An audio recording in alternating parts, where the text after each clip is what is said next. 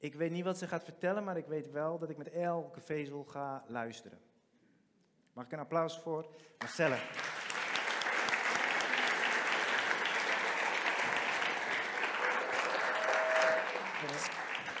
Een aantal jaar geleden, zo uh, rond 2017, werd mij verteld dat ik binnen een jaar dood zou zijn. Omdat ik geen gebruik wenste te maken van hele heftige chemische en radioactieve behandelingen. Nou, het is inmiddels 2021. En het feit dat jullie hier nu naar mij kijken, kan twee dingen betekenen. Eén, jullie zitten te kijken naar een holografische projectie, omdat Tibor wil laten zien wat er in de toekomst allemaal, of wat er nu al mogelijk is en uh, wat onze toekomst zal zijn. Andere optie is, is dat je niet altijd moet geloven wat doktoren zeggen. Ook niet als het doktoren zijn die dat met tranen in hun ogen en vanuit de grond van hun hart met de allerbeste intenties hebben gezegd. Ik ben er nog. Um, wat bijzonder was, is dat ik in 2017, op het moment dat ik de diagnose kreeg, dacht dat ik mijn leven helemaal op orde had.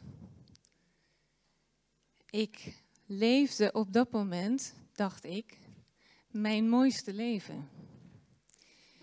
Ik had een jaar daarvoor, had ik een, uh, was ik gestopt. Ik had een succesvol communicatiebureau.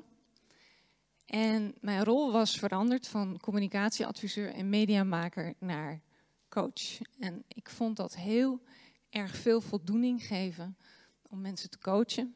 Ik heb een groot netwerk van leidinggevenden en ondernemers.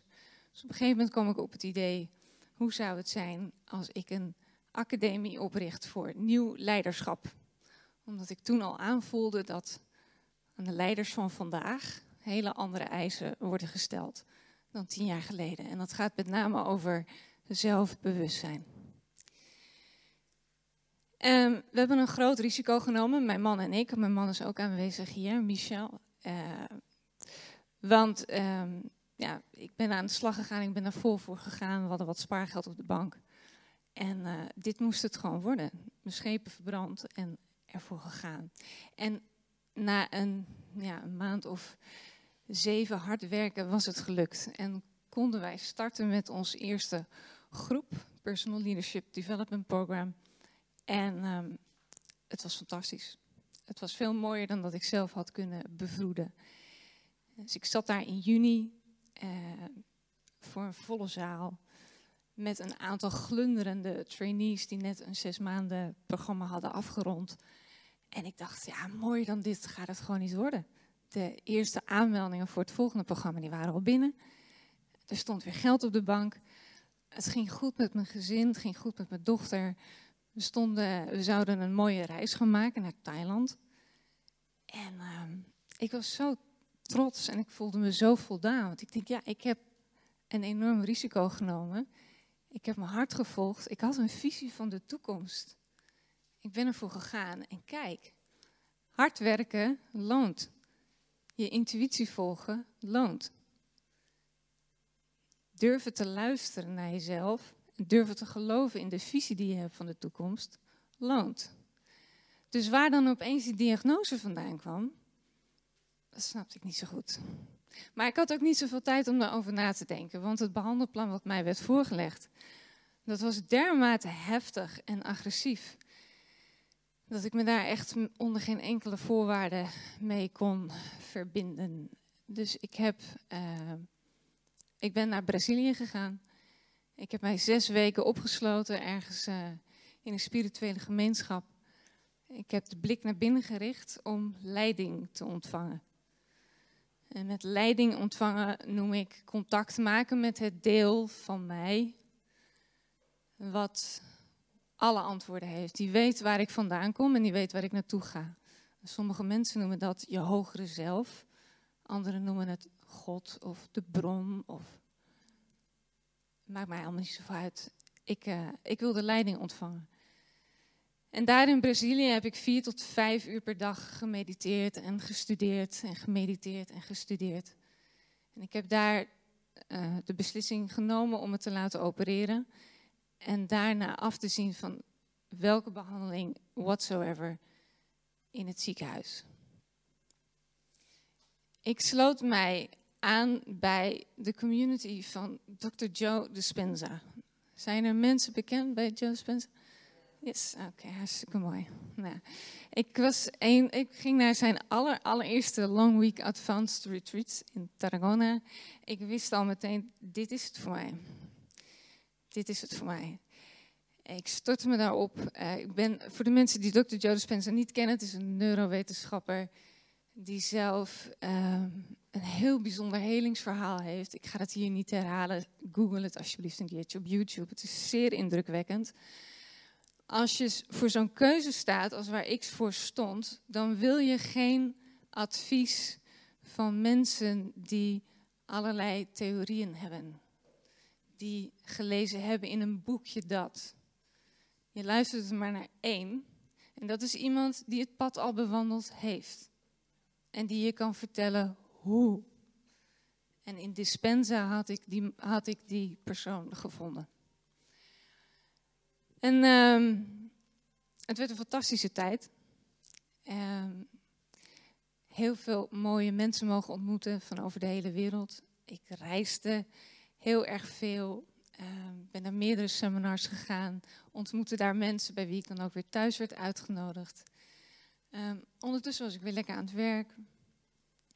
Ik leerde te manifesteren vanuit mijn luie stoel. Dus in plaats van dat ik als een malle in, me, in een hamsterrad achter opdrachten aanging en achter klanten aanging, ehm, concentreerde ik me heel erg op het gevoel hoe het zou zijn om ehm, bijvoorbeeld weer een nieuwe training te lanceren. En dat gebeurde ook.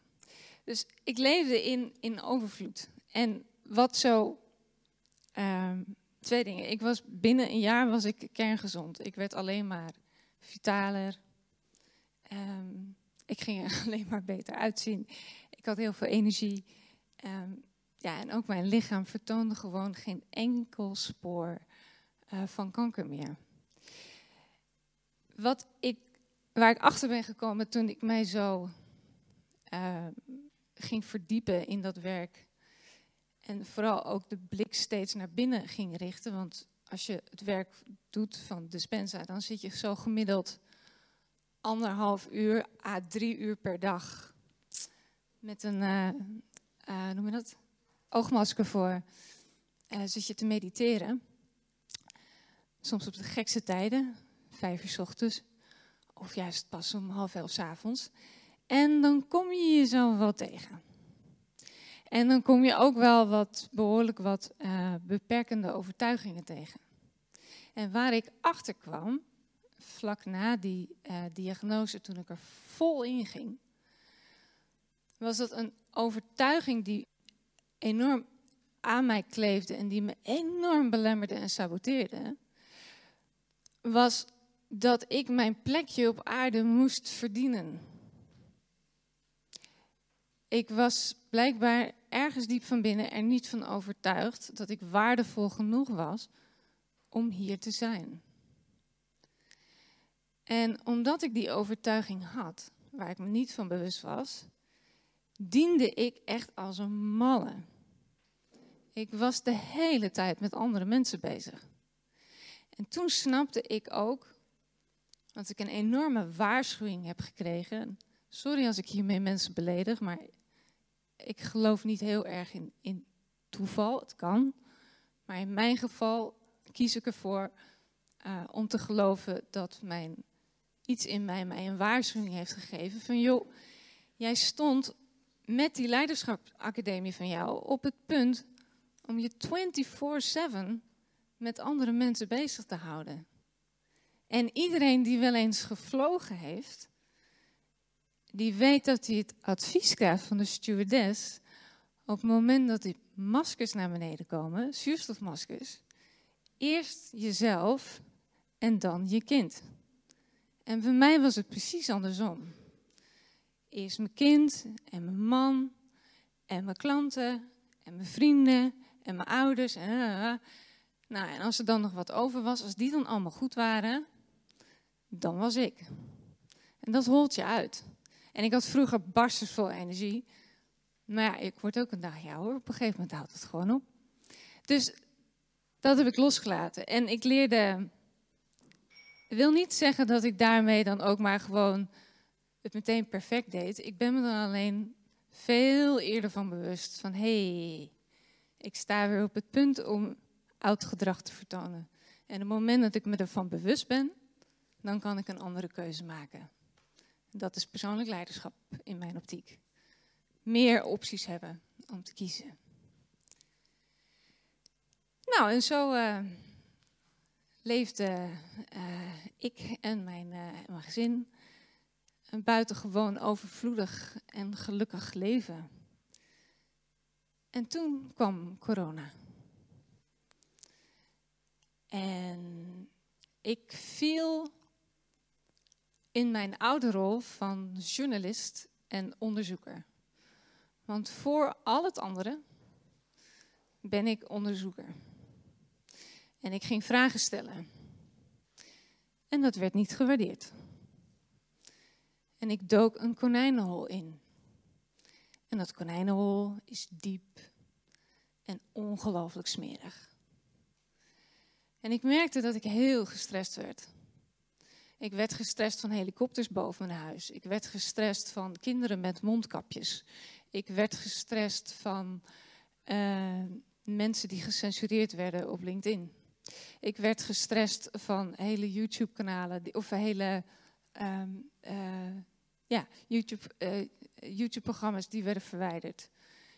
Kortom, ik zat in een hele lage frequentie. En ik hield iedere dag een dagboek bij van uh, Richard Talet, van Oersterk. En ik kan achteraf ook precies terugkijken waar het misging. En dat was op de dagen dat ik noteerde van ik heb minder energie. En ik, heb, ik moest eerder stoppen met hardlopen. Of ik heb vannacht weer wakker gelegen. En toen heb ik een goed gesprek met mezelf gevoerd. Van luister Marcel, je hebt kanker gehad en je hebt kanker overleefd. En als je hiermee doorgaat, als je zo bezig blijft met je aandacht en je energie geven naar dingen buiten jou, dan word je weer ziek. De frequentie van angst is ongelooflijk laag. Ongelooflijk laag en levensgevaarlijk. Dat weten jullie ondertussen na zoveel maanden in deze situatie waarschijnlijk alles van. En helaas kwam die waarschuwing te laat voor mezelf, dat gesprek. Want in maart van dit jaar zat ik bij de oncoloog en toen had ik een tumor zo groot als een tennisbal in mijn oksel, die vastgeplakt zit aan mijn spier, die niet geopereerd kon worden. En de enige optie was chemo.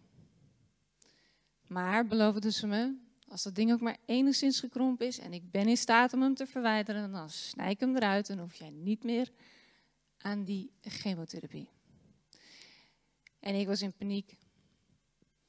Ik kon niet meer lopen, ik kon niet meer hardlopen, ik kon niet meer dansen. Ik kreeg mijn arm niet meer omhoog bij bachata-les. Dus ik dacht, ik ga ervoor. Ik ga ervoor. Ik heb me er weliswaar jarenlang tegen verzet, maar dit is mijn enige optie. Ik moet het doen. En zo wandelde ik op een woensdagochtend het ziekenhuis in. Kom maar op, dit gaat mij lukken. En uh, drie dagen later lag ik bewusteloos in mijn bed. En ik gleed zo uit mijn lichaam naar de andere kant van de sluier.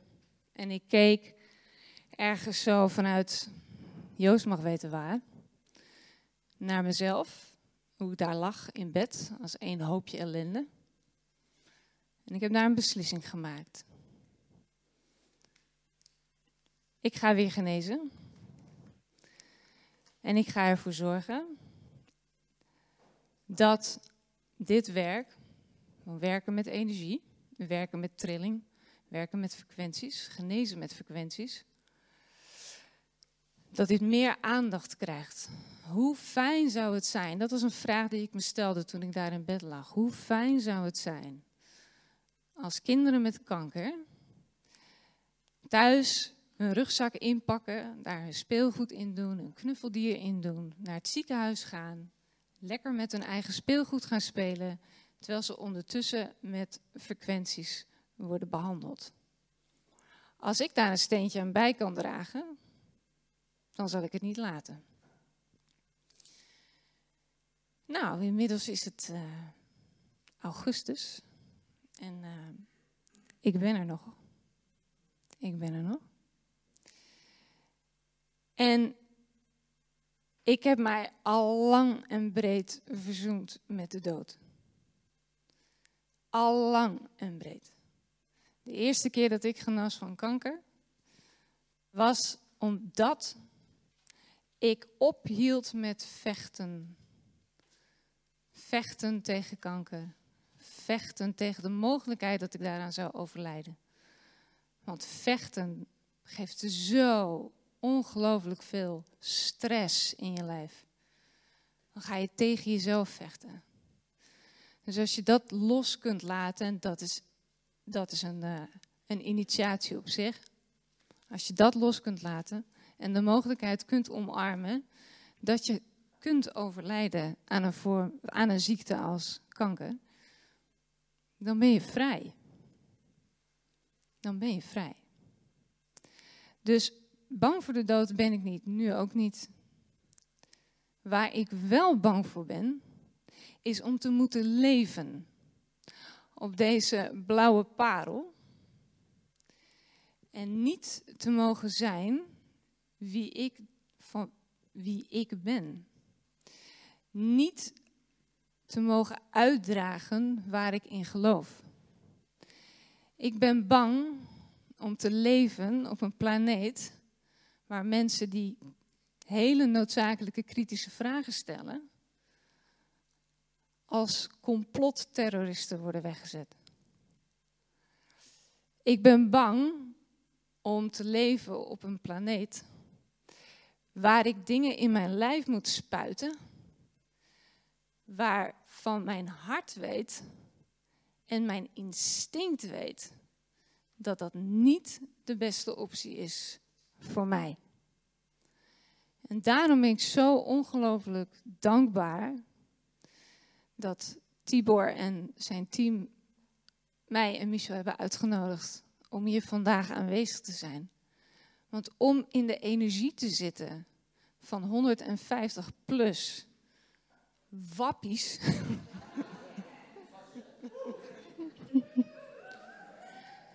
Je hebt geen idee. Je hebt geen idee hoe helend dat is. Jezelf te mogen zijn. Jezelf te mogen zijn. Persoonlijk leiderschap is in lijn een leven leiden wat in lijn ligt met jouw authentieke kernwaarden. Voor jouw waarheid durven staan. Dat is persoonlijk leiderschap. Persoonlijk meesterschap is op die manier leven en in verbinding blijven met die mensen die anders geïnformeerd zijn dan jij. Dat, dat is het ware leiderschap. Als wij deze blauwe parel weer die hemel willen maken die het kan zijn, dan zullen we moeten vergeven. Onszelf moeten vergeven en anderen moeten vergeven. Het is niet de schreeuwer die het gaat redden. Het is de persoon die de meeste compassie en empathie heeft voor mensen met compleet andere denkbeelden dan jij. Met compleet andere denkbeelden. En ehm, ik vind dat een kluif, kan ik je eerlijk zeggen. Ik vind het echt een kluif. Maar op zo'n dag hier zijn en wetende dat jullie er allemaal zijn, geef mij het fundament en de kracht en de moed en het doorzettingsvermogen om dat te doen, te blijven verbinden. Ik. Ehm, acht de kans zeer aanwezig dat ik opnieuw zal genezen. Ehm, het is tenslotte eerder gebeurd. Als het niet gebeurt, is het ook oké.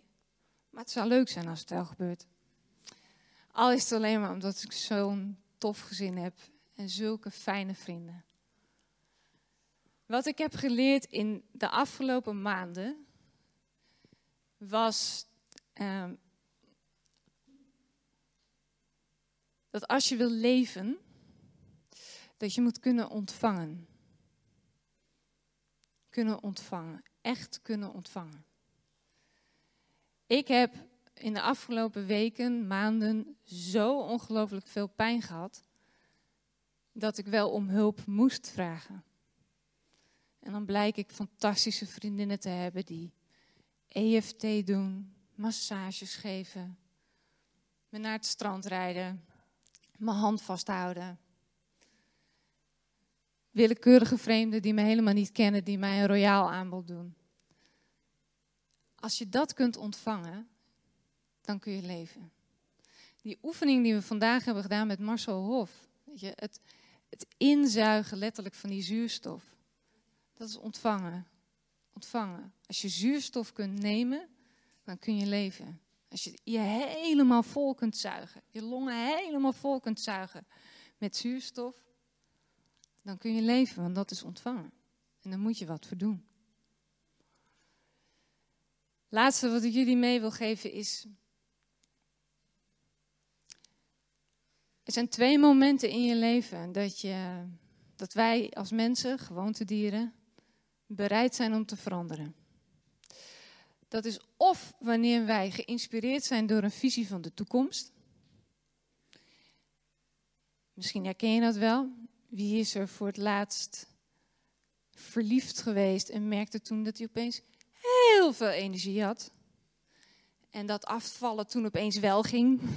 En naar de sportschool ging opeens wel, eh, naar de sportschool gaan opeens wel ging. Dan ben je geïnspireerd door een visie van de toekomst. En of die visie van de toekomst is, of dat nou is seks, of samen mooie reizen maken, of samen een mooi gezin stichten. Het komt op hetzelfde neer. Het geeft een enorme stoot energie waardoor wij op dat moment kunnen en bereid zijn om te veranderen. Het andere moment is dat wanneer we gedwongen worden door een crisis, door ontslag, door een ziekte, door een scheiding, door een you name it. Ik ben ervan overtuigd dat ik hier nu nog ben, omdat ik altijd bereid ben geweest om te kijken wat zit er nog meer in mij. Wat houdt me tegen? Wat zijn mijn hindernissen? Door regelmatig gewoon eventjes de balans op te nemen. Leef ik nog wel op de manier die ik wil? Doe ik nog steeds waar ik in geloof? Verbind ik me nog steeds met de mensen die ik belangrijk vind, waar ik energie van krijg? Dat geeft zelfkennis. En mensen met zelfkennis, die hebben ongelooflijk veel macht. Ook wanneer ze door een ziekte op de knieën worden gedwongen. Mijn boodschap is eigenlijk: wacht niet totdat je gedwongen wordt door een crisis. Maar doe het vanuit inspiratie, want het is zoveel leuker. Het is zoveel leuker om verliefd te zijn. Het is zoveel leuker om een visie van de toekomst te hebben, van een nieuw bedrijf en het gewoon fucking voor elkaar te krijgen. Dat dan te kunnen veranderen, dat is zoveel toffer dit proces waar ik nu in zit is waardevol, maar ook fucking pain, painful. Echt heel pijnlijk. Hou genoeg van jezelf en neem jezelf voldoende serieus om dat blad scherp te blijven houden. Verbind je met mensen die je af en toe eventjes prikkelen. Blijf naar dit soort gave seminars toe gaan. En uh, doe wat je hart je ingeeft. Want je hart liegt nooit. Bedankt voor jullie aandacht.